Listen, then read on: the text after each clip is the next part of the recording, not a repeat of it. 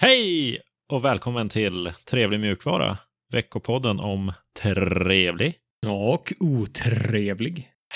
mjukvara.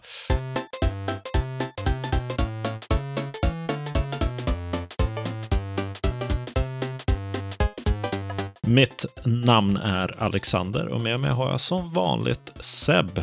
Tjena! Vad har du haft för dig den här veckan? Denna veckan så har jag ätit ramen Ramen. och gjort en massa andra saker. Men eh, ramen eh, sticker ut. Det är sådana här nudlar man köper för fyra kronor. Och eh, nej, nej, nej. Det kanske kallas ramen också. Men jag snackade om eh, ramen på en restaurang. ah, Nudlar är det, men det är någon slags buljong som har kokat i 48 timmar eller någonting. Och så supermört kött och eh, ett halvt ägg i och lite sjögräs och grönsaker och andra goda grejer. Helt fantastiskt är det. Ja, det är väl en fördel med att bo i stan, att man kan gå på sådana restauranger. Jag skulle ju aldrig ställa mig och göra det själv. En sån fantast är jag inte av ramen. Nej, det är väldigt mycket jobb, tror jag. Vad ska vi prata om den här veckan då? Denna veckan kör vi nyheter som vanligt. Vi har ett antal eh, vi ska gå igenom. Vi får försöka vara lite snabbare tror jag, för att eh, annars kommer det här avsnittet bli superlångt. Sen har vi en otrevlighet och en trevlighet och sen lite uppdateringar på ditt eh, Rust-äventyr. Och du har också gjort någon slags eh, move med en av dina datorer. Jag vet inte, vad var det du kallade det? Nuken Pave. Ah, det ska vi få höra mer om. Spännande! Men först ska vi prata om nyheter.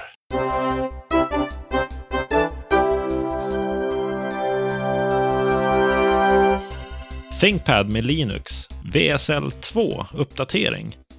En ny typ av tangentbord, Blender 2.90, Pipewire och 2021 ser ut att bli allt bättre. Nu kan man typ köpa en ThinkPad med Linux. Äntligen! Som alla eh, ThinkPad-entusiaster har längtat efter det här. Ja, det är ju många som använder ThinkPads och kör Linux i, i dagsläget dock. Ja. Men den här nyheten är att den kommer förinstallerad på ThinkPad. Ja, man kan välja det i deras online-butik att man vill ha Linux. Mm, just det. Men det gäller bara en modell och det är X1 Carbon och det är Fedora. Ja, intressant. Fedora. Jag har aldrig sett en laptop som kommer med Fedora förinstallerat. Det brukar alltid vara Ubuntu eller någon sån liknande. Mm. Ja, det är intressant att Fedora är först ut. Det är ju lite kul. Mm. Det man kan se i den här butiken är att det är 500 kronor typ billigare än Windows-varianten. Okej. Och det finns inte på Lenovos svenska sida såklart. Men eh, det ska bli intressant att följa det här. Det kanske dyker upp i den svenska butiken så småningom, om det går bra. Ja, vi hoppas det. Det verkar som att de har försökt göra en, en riktigt ordentlig integration med sin hårdvara här. De snackar om att de har jobbat i flera år på det här projektet att försöka få in Linux i konsumentinriktade laptops. Ja, det är lite lustigt med tanke på att det tog ungefär två minuter för mig att installera Linux på deras ThinkPads. Ja, precis. Men de har gjort ett större jobb eh, runt om själva kompatibiliteten och funktionaliteten. Så de har jobbat med sina tredjepartsleverantörer, till exempel eh, de som levererar en eh, fingeravtrycksläsare kanske, som ett exempel. Just det. Där har de sett till att pipen funkar så att användarna ska kunna få uppdateringar och eh, ja, att allt funkar precis som det ska, helt enkelt. Mm. Ja, det ska bli kul att se om det dyker upp mer på deras eh, internationella sidor. För om man går in på Dells sida, deras webbutik, så verkar man inte kunna hitta deras Linux-varianter heller på den svenska sidan. Nej, okej. Och den har ju ändå funnits ganska länge. Ja, det har vi ju snackat om tidigare också, bland annat. Börjar bli lite trött på det här, att man aldrig bara kan få köpa i Sverige. Ja, huvudsakliga problemet är väl tangentbordslayouten då, som inte, ja, det finns inte med svensk layout, Mm. vad det verkar. Ja, men det är Kul skoj. ändå. Ja, Ja, ja. det är det roligt. VSL 2 har fått en liten uppdatering och det står för Windows Subsystem for Linux. Just det. Och det är för de som kör Microsoft Windows på sin dator men ändå vill ha tillgång till eh, Ja, mjukvara och sånt som kör på Linux. Just det. Kraften bakom Linux fast på Windows. Vad är det som är nytt med den här uppdateringen då? Ja, det finns en preview nu som innehåller de här uppdateringarna. Så att, eh, ja, en beta kan man väl också kalla det. Windows väljer att kalla det för previews. Och nyheterna i den här uppdateringen till VSL 2 är bland annat GPU-support. Så att man ska kunna använda sig av machine learning och eh, mycket andra verktyg som har med AI att göra. Mm. Det finns även nya Windows-kommandon för VSL. Så du kan starta VSL och du kan uppdatera, du kan kolla status och du kan göra en rollback av eh, en kernel-uppdatering. Ja. Allt detta från Windows command line då. ja, det är ju trevligt för de som kör Windows Ja, precis. och önskar att de vore på Linux. Ja, det är, jag tror det är en kraftfull kombination det där. Det finns också lite bättre integration med utforskaren som är ja, filhanteraren i Windows. Där man kan gå in och browsa eh, VSL-filsystemet då utan att ha VSL startat i bakgrunden. Det kunde man inte tidigare, men det kan man nu då. Okej, ja, trevligt. Ja, det är roligt att de jobbar vidare på VSL. Om inte annat så säger ju det en del om hur bra Linux är. Eftersom de lägger så mycket krut på det. Ja, verkligen. Ny typ av tangentbord. Frågetecken. Precis. Det är lite intressant bloggpost ifrån System 76 som vi har snackat om flera gånger här i podden som gör ett operativsystem, en Linux-distribution som kallas för Pop OS. Och de gör också sina egna, sin egen hårdvara, sina egna laptops. Mm. Och de har funderat på ett nytt tangentbord. Och det är liksom inte bara nya coola lysdioder under tangenterna och ny cool aluminiumchassi. Eh, utan de snackar mer om hur kan man återuppfinna tangentbordet. Så det finns lite idéer om att flytta tangenter, typ göra space-tangenten smalare och sätta backspace-tangenten jämte space-tangenten. Så det är liksom layout-förändringar som är en stor del av eh, de här idéerna som System 76 har. Mhm. Ja, det är ju lite spännande. Det där är ju något som, um, jag vet inte om det har stagnerat, men det känns inte som att det forskats så mycket om det där. Nej, jag håller med. Det händer inte så mycket i tangentbords-layouten. Det har sett likadant ut så länge jag har använt en dator i alla fall. Det finns ju den här Dvorak.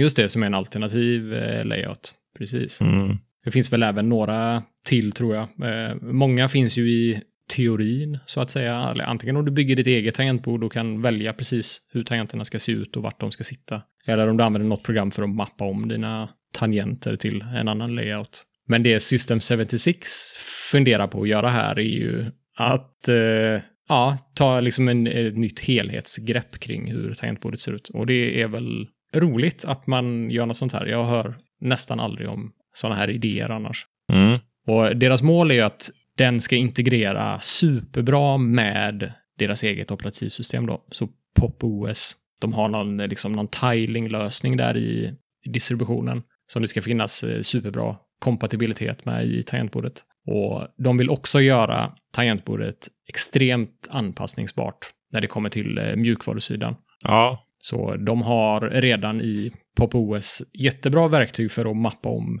tangenter och funktioner på tangentbordet. ja. ja, det har man ju sett många exempel på. De har ju släppt mycket av det de har gjort eh, open source såklart. Och det finns instruktioner om hur man kan eh, programmera om vissa styrenheter inuti datorerna som de har släppt. Mm. Så det är ju lite, det här är ju helt i linje med det. Ja. ja, de gör intressanta grejer, de där System 76. Tycker det är värt att hålla ett öga på dem. Ja, Förhoppningsvis så får man veta mer om det här tangentbordet. Det är som sagt bara en bloggpost just nu. Man vet inte så mycket mer, så det är dolt i eh, mörker än så länge för allmänheten. ja, de är ju duktiga på det där med marknadsföring ändå. För de får ganska mycket exponering Mm. när det gäller i alla fall de här tidigare datorerna. Exempelvis den här Filio, tror jag den heter. Mm. Den här stationära, mm, ganska dyra. Den hade de ju kört en, lång eh, marknadsföringskampanj med några mystiska rymdvarelser och grejer. Jaha, okej. Men ja, nej, det får vi hålla ett öga på. Det gör vi. Blender har ju kommit ut med en ny version. Ja, 2.90. Och det får vi tacka Christer för att han uppmärksammar oss om den versionen. Mm. Ja, den verkar intressant. Jag har ju använt Blender väldigt lite själv. Jag har testat lite grann bara. Har du kört Blender någonting? Ja, lite grann, men inte tillräckligt mycket för att kunna förstå mig på allt det här som de har listat. För det är ju en rejäl uppdatering. Och det verkar ju alltid vara rejäla uppdateringar. Ja, precis. Ja, mycket som händer. Det är ju roligt att det är många som sponsrar Blender också. Så Ja. Stora företag som i princip ger dem pengar för att de ska kunna hålla sin produkt tipptopp. Mm. De har ju kommit upp i över 122 000 dollar i månaden. Det är goda pengar. Schysst, vad roligt för dem. Det är ju jättekul att se. Och alla verkar ju uppskatta det de gör. Så att, eh, ja, för att ta en snacket på nätet så tycker jag han formulerar det bra här. Och han skriver Blender sätter en guldstandard inom professionalism med open source.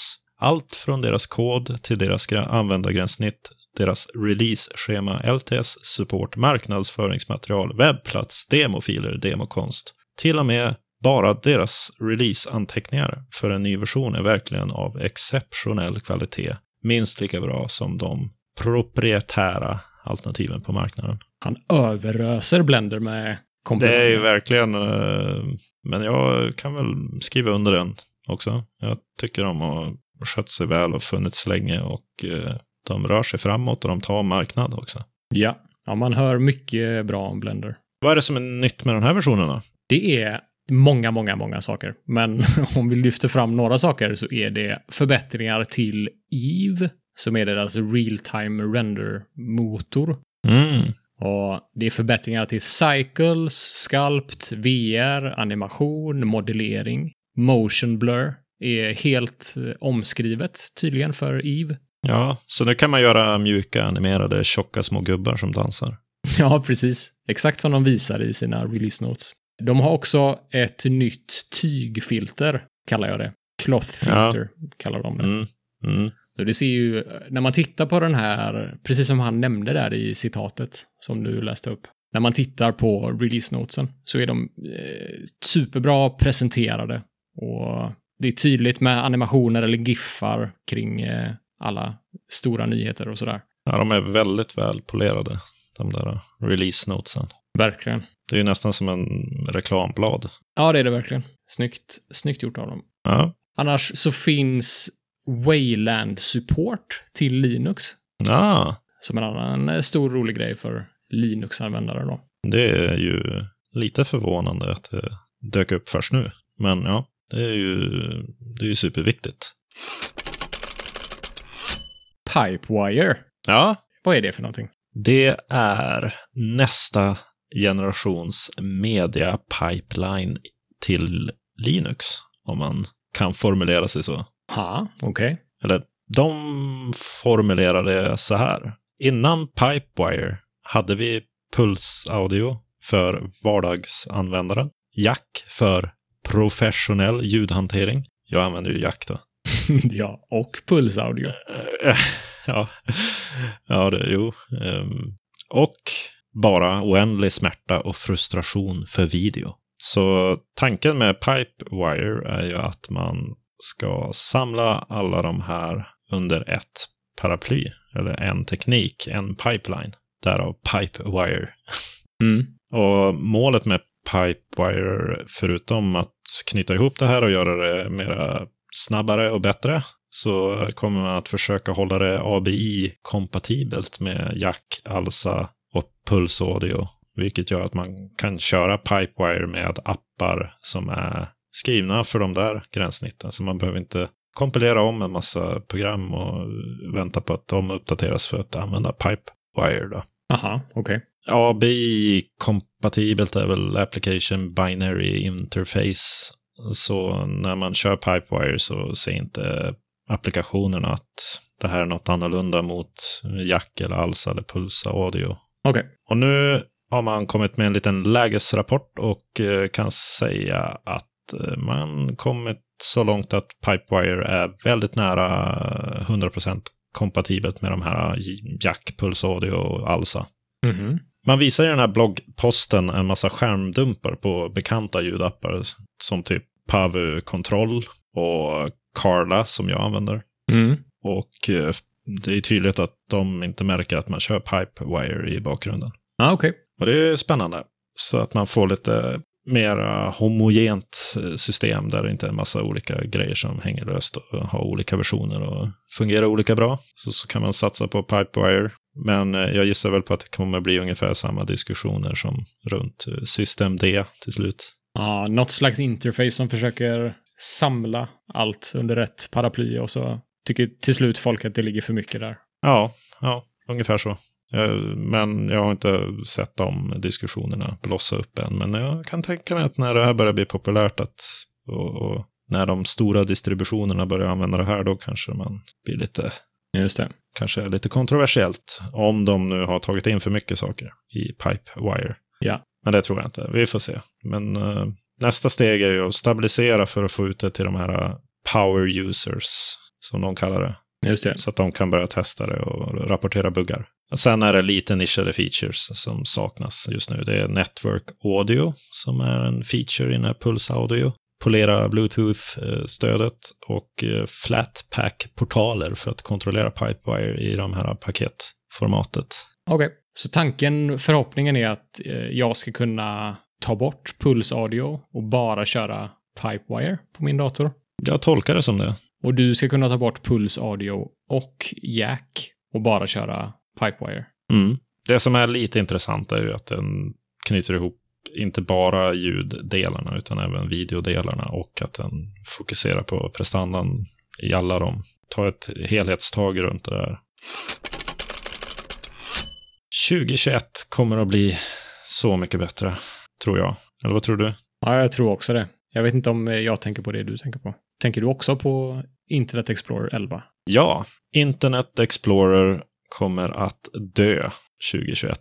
Ja. Stödet officiellt kommer att eh, sluta från Microsoft. Just det. Och eh, deras egna Microsoft Teams kommer att sluta stödja Internet Explorer i november det här året. Mm. Och vi får tacka Frontend-Micke så mycket för den här nyheten också. Ja, det får vi. Tack så mycket, Micke, på Telegram. Det är ju deras egna molntjänster. Så Office 365, OneDrive och Outlook som kommer sluta stödja i 11 då, 2021. Den 17 augusti. Jaha, det är inte att de kommer döda Internet Explorer helt. Nej, precis. Den kommer ju finnas på din Windows-installation fortfarande. Det är nog riktigt hårigt att få bort den helt och hållet. Men eh, Microsofts mål är att till slut kunna döda den helt. Och det gäller ju även den här Legacy Edge som bygger på Internet Explorer. Det var väl Internet Explorer i en ny kostym egentligen, det gamla Edge. Ja, precis. Innan de bestämde sig för att göra om Edge igen då, baserat på Chrome. Ja, Alltså det är Microsoft, eh, ja, de bara säger nu kommer inte våra molntjänster stödjas av i11 längre. Men däremot så finns det för de som har svårt att byta från Internet Explorer 11. Det finns ju vissa gamla legacy-appar som bara funkar på i11, tyvärr. det är de här som kör ActiveX, eller? Ja, det är säkert sådana gamla teknologier, precis. Mm. Känns ofta som mycket myndigheter eller stora, liksom. Trögflytande skepp. Exakt, exakt. De har ofta lite sådana här legacy-program. Men det finns en IE 11 legacy mode i nya Edge. Så det är så de planerar att råda bot på de här sista eftersläparna. Ja, det är ju en era som gått i graven. Ja, det är det. Det har vi väntat länge på det här. Att man tycker att saker ska också funka i, i 11. Det är väldigt utdaterat eh, synsätt. Mm. Webbläsaren i11 kallas av Microsoft själva för en kompatibilitetslösning och inte en webbläsare. De säger uttryckligen att Internet, Internet Explorer 11 är inte en webbläsare. Ja, det är ju det är ett tufft slag mot stackars Internet Explorer. Ja, det är det. Men eh, den har gjort sitt eh, jobb. Det är dags att pensionera den nu. Mm. Man kan ju bara hoppas att Safari får lite inspiration från Internet Explorer.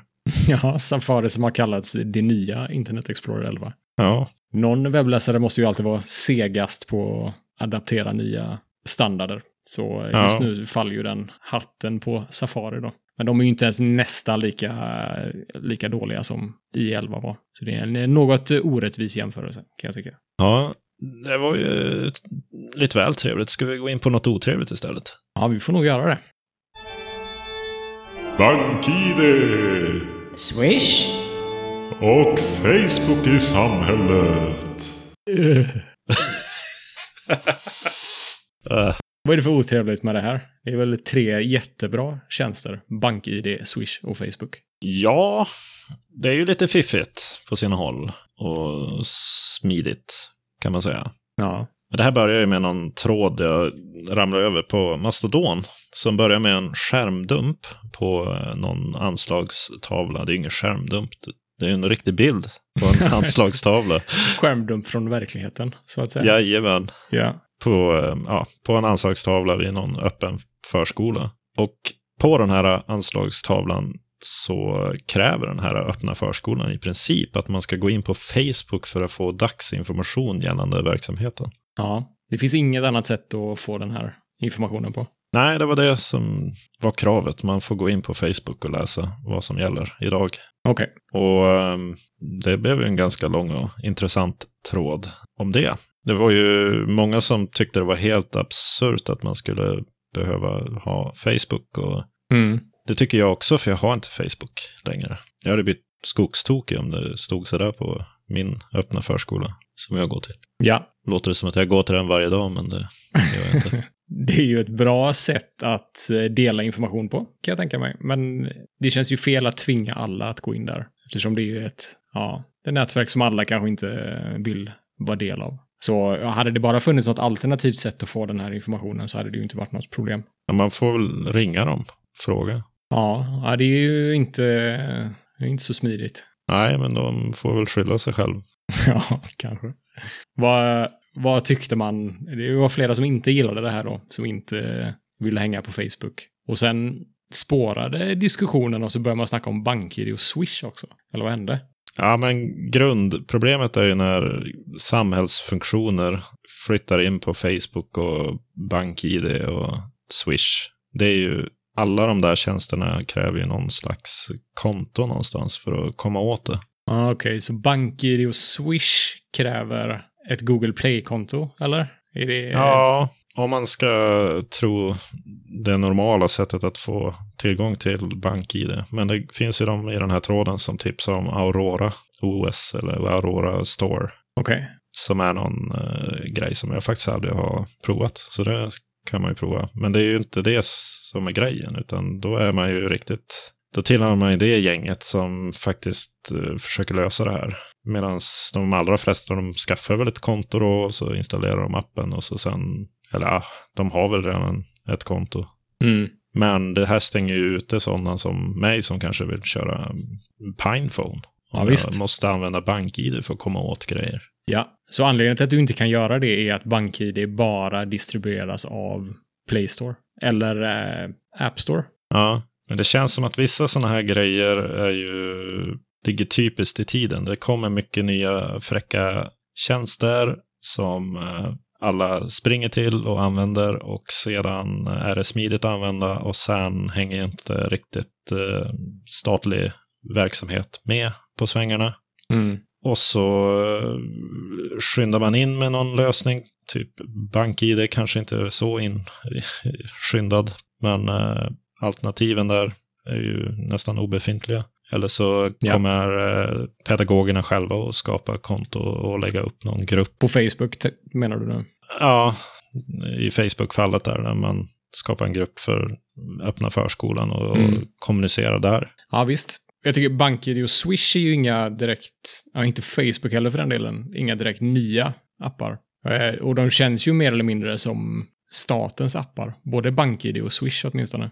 Swish är ju något som svenska bankerna har gått ihop och accepterat. Precis. De har någon deal med någonting. Tanken i början var ju att det skulle vara gratis ett tag och sen skulle de börja ta betalt för varje transaktion. Men det blev Mm. ju aldrig så. Utan de tog väl den kostnaden på annat håll med avgifter och sånt. Ja, ja, precis. Ja, det är intressant problematik det där. Är det bättre att göra ett eget system som man ändå måste ha ett konto på än att använda ett tredjepartssystem som Facebook? Hade du hellre skapat ett konto på förskolan.se? Jag hade väl hellre sett att man kunnat ta del av informationen någonstans utan att logga in kanske. Det är ju en öppen förskola, så att, eh, där tycker jag att de borde ha kunnat hitta någon smidigare lösning för oss som inte har Facebook. Okej, så att den bara ligger öppen helt enkelt. Ja, Men om man vill ha annan funktionalitet som eh, säg att det är en utflykt som planeras och man vill att de som kan följa med klickar i jag kan komma. ja men det borde ju finnas lite sådana basgrejer.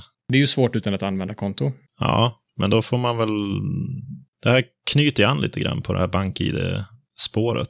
Man skulle Mm. ju haft något som är neutralt, statligt, på riktigt. Inte gjort av något finansiell ID-teknik AB som ligger bakom BankID.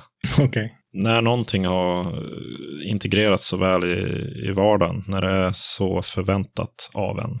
Ungefär som att man ska ha vatten i kranen eller Ja. El i uttagen. Det är ju mänskliga rättigheter är väl fel ord, vad kallar man det? Ja, men det är en samhälls... Eh, Det är ju samhällsfunktioner. samhällsfunktioner. Precis. BankID är ju det åtminstone. Det får man ju använda hela tiden. Ja, och det har ju Försäkringskassan och allt möjligt har ju den tjänsten. Ja, Skatteverket, allting. Då tycker jag att när det har nått en sån nivå så är det nog dags att fundera på om eh, man ska ha något företag som äger det där eller om det, hur det är uppsatt där egentligen. Att det drivs av, Ja, ett privat företag och inte av staten. ja men att det finns något sånt här statligt tänk kring det. Att det ska värna om demokrati och att det ska tillgodose de som har handikapp och att det ska tillgodose de som kanske inte kör mainstream-plattformar och alla sådana konton som Ja. är kopplade till det. Man skulle behövt något helhetstag på den inloggningsfrågan kanske. Ja, Och då knyter man tillbaka till det där med att ja, men om man ska ha en massa funktioner, då kan man ju använda den kanske. Jag vet inte, det här är ju, nu har vi ju luddat ut ordentligt. ja det har vi verkligen. Men det är bra, bra frågor. Det är intressant att BankID ägs av en, ett privat företag, tycker jag. Det känns ju verkligen som en statlig app. Vad är, vad är grundotrevligheten egentligen? Grundotrevligheten är att du har inga alternativ för att ta del av eh, samhällsinformation. Ja, och man förväntas ha de här grejerna i sin vardag. Mm. Alla bara antar att alla har Facebook.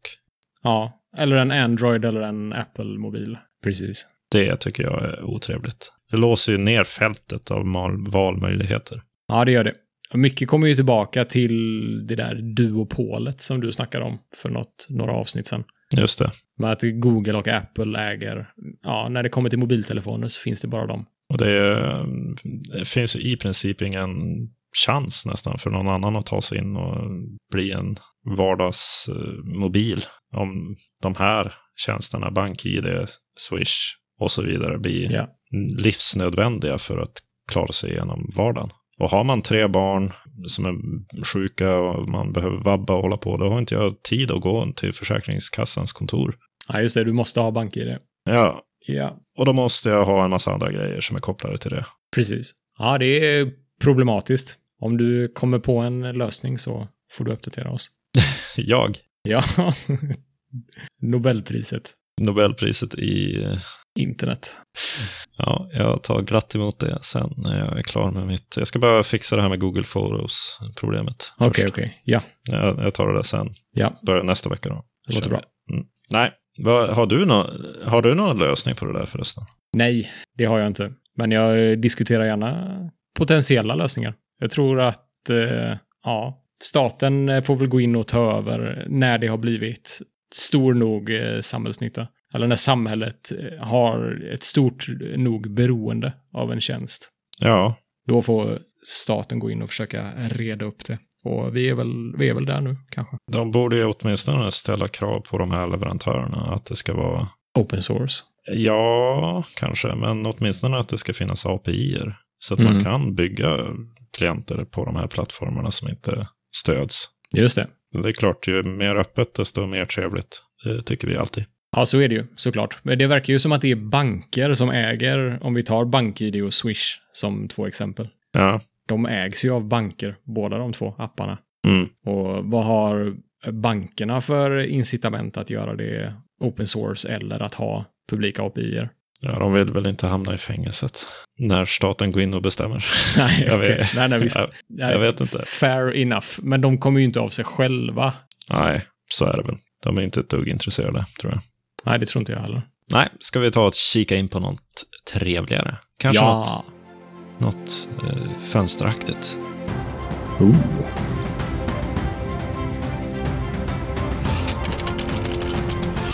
I3 Gaps. Gaps på slutet, ja. Ja, just det. För man får inte köra vanliga i3, då blir man ju... Då hamnar man ju i gamla facket. Ja, det är ju ingen cool som kör vanliga i3. Vad är i3 för någonting? Ska vi börja med det? Ja, det är ju inget som man kan installera på Windows, tyvärr. Nej, för Windows har sin egna variant av eh, det här. Ja, det är väl en slags eh, fönsterhanterare Yes. för Linux och andra öppna plattformar som BSD-plattformarna.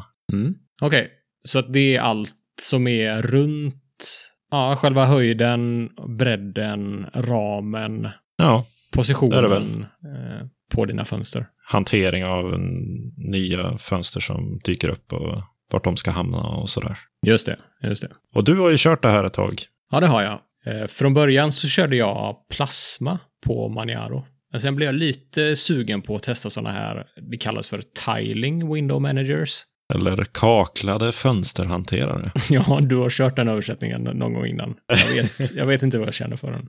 Men Ja. okej. Eh, Det är helt enkelt en fönsterhanterare som hanterar fönstren lite annorlunda jämfört med en klassisk fönsterhanterare. Så i en klassisk fönsterhanterare så öppnas alla fönster i flytande läge, kallar jag det i alla fall. Så du kan dra runt fönstret, du kan förstora det, förminska det. Du kanske till och med kan sätta fullscreen på det, eller hur? Ja, det kan man. Men i i3 så är allting fullscreen från början. Det kanske är det ett dumt sätt att beskriva det på. När du öppnar ett nytt fönster så tar det alltid all tillgänglig plats på din skärm.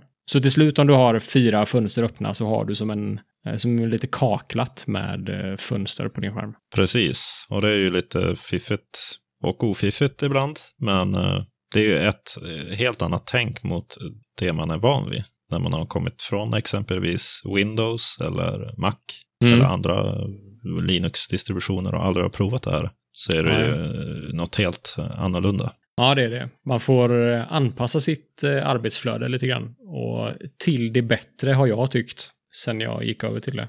En klassisk grej jag brukade göra när jag använde ja, Plasma eller Windows då, det var att öppna tusen fönster och sen minimera de fönstren jag inte var intresserad av. Så jag Mhm. hade en massa minimerade fönster. Jag hade kanske fem, tio instanser av utforskaren öppnade. Och Ja. eh, massa Chrome-fönster och så vidare. Och det blir ju väldigt kaotiskt. Och något sånt finns nästan inte möjlighet att göra på i3. Nej, för de gömmer sig inte. De gömmer sig inte, det går inte att bli av med dem. Så de måste leva någonstans fysiskt på din skärm. Mm. Men man kan ha virtuella arbetsytor, som det kallas, tror jag. Just det. Eller olika skrivbord kan man väl kalla det också. Mm. Och då kan man ju trycka in dem eh, och flytta dem mellan olika skrivbord. Och det är ju som virtuella skrivbord som man har på... De har ju fått det på Windows nu också. Ja, det, är fin- det har funnits ett tag på Windows, tror jag bestämt. Mm. Men det var Windows 10 det kom med. Ja, det stämmer nog, ja. Mm. Men det är ju... Ja, det är ett annorlunda tänk. Och jag, eh, jag tycker om det. Mm. Jag har kört i3. Men det var fyra, fem år sedan och jag, jag minns att jag tyckte att det var trevligt för att allting blir lite enklare på något sätt. Mm.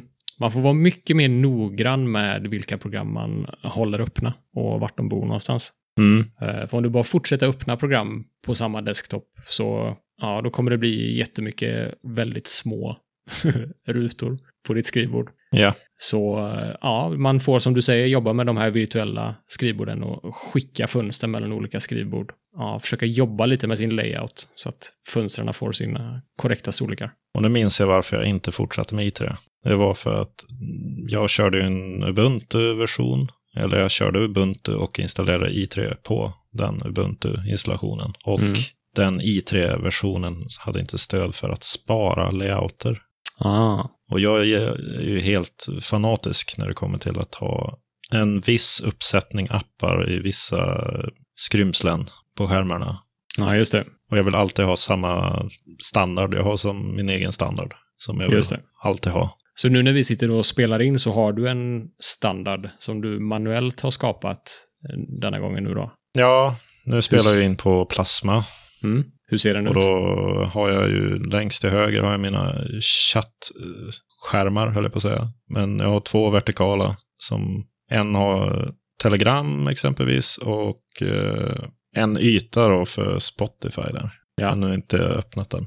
Och sen har jag Mumble på den andra chattskärmen tillsammans med Slack när jag jobbar hemifrån.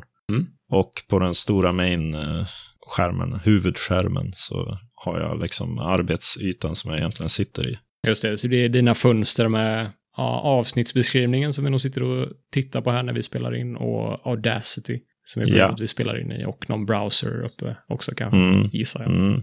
Och eh, Caster Soundboard med alla våra fräcka jinglar och ljudeffekter. Jaha, okej. Så det, och det blir alltid lite grötigt ändå, även om jag i Plasma kan sätta regler för vad de här eh, specifika programmen ska ta vägen. Så eh, på den här huvudskärmen så blir det grötigt ändå. Mm. För där har jag inte samma rigorösa regler. Och jag skulle ändå vilja ha det kaklat i princip. Ja, just det. Ja, men spännande. Så du har installerat i3 nu på din eh, laptop.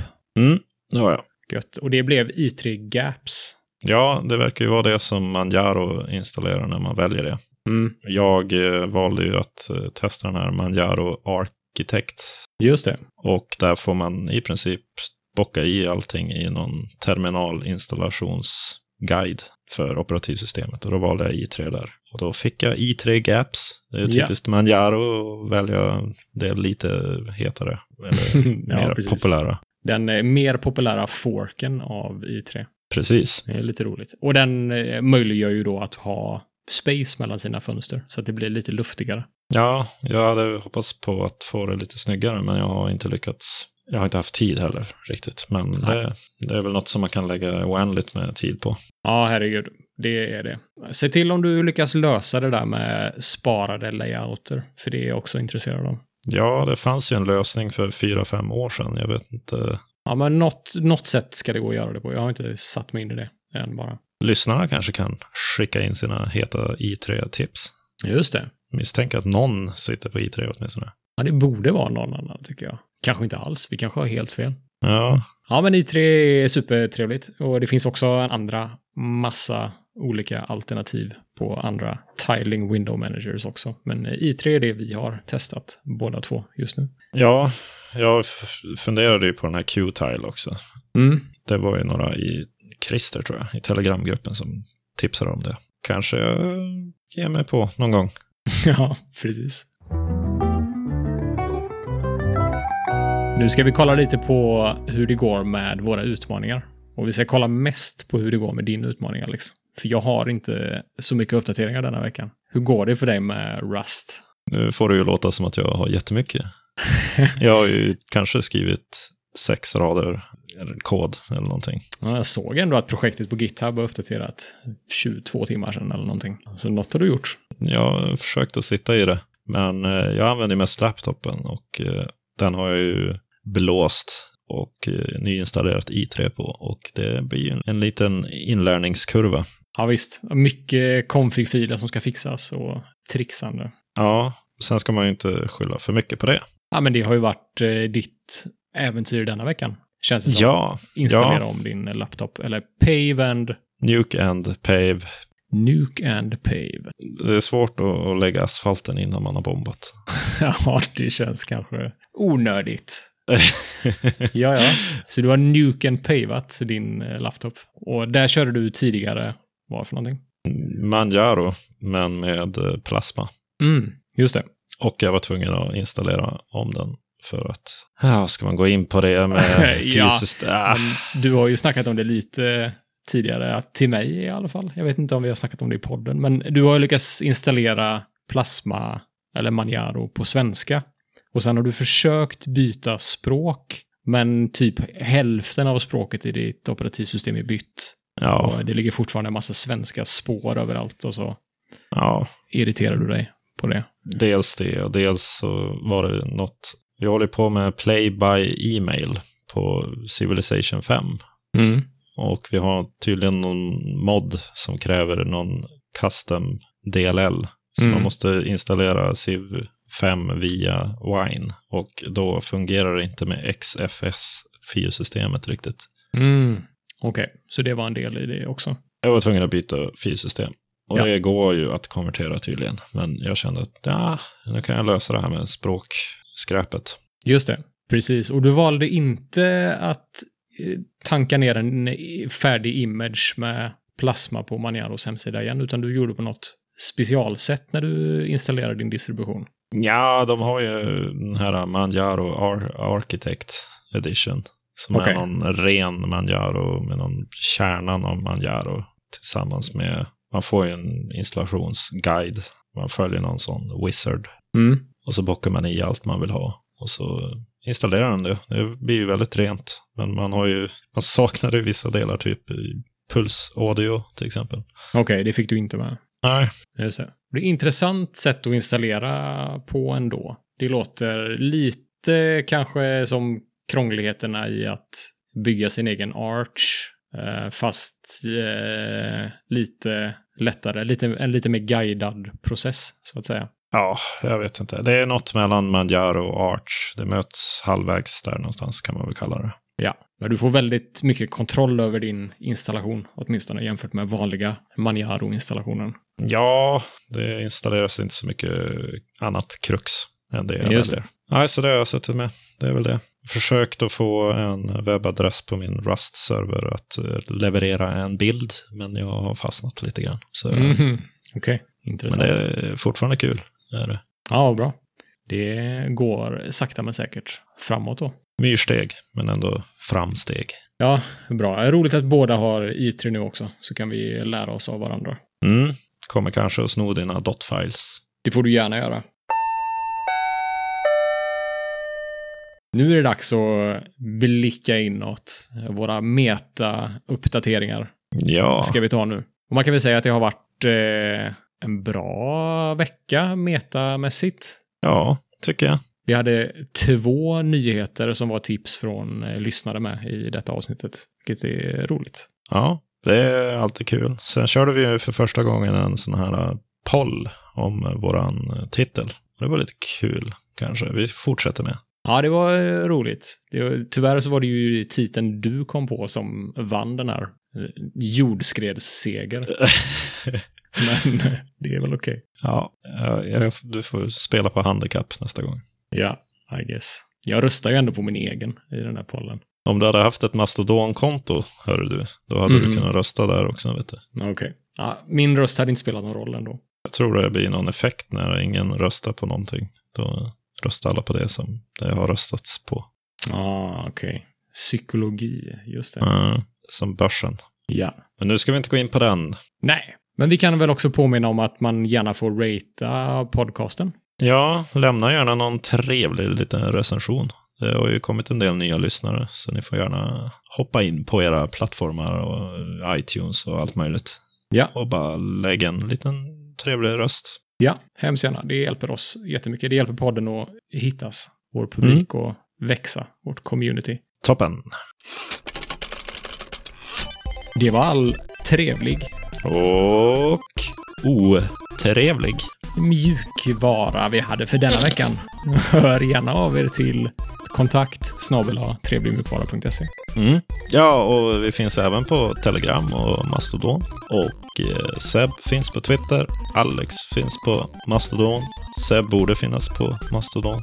Snart. Är det så? Ja, det tror jag nog. Ja, får vi se vilken fräck instans du väljer. Ja, ja, det ska vi se. Vi finns också på GitHub om man vill in och kolla på lite kod vi skriver. Ja, Okej, that's it.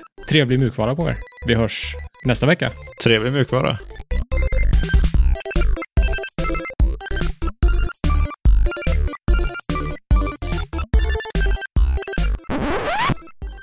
Pipewire.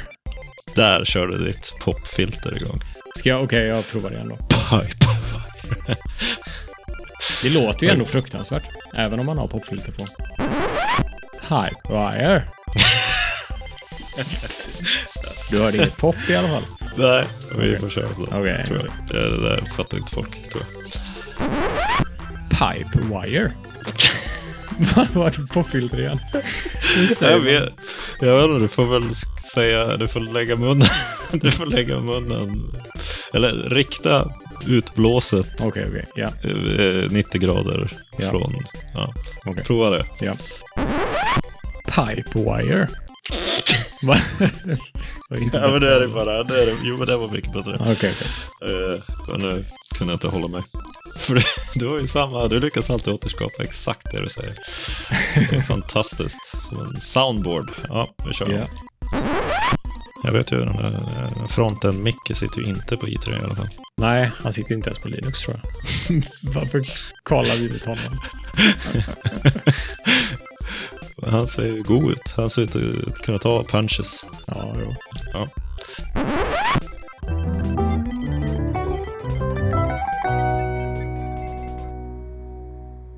Utmaningarna. Att inte blicka inåt. no. Klipp, klipp, klipp, klipp, klipp, klipp. Vi gör om det där. då.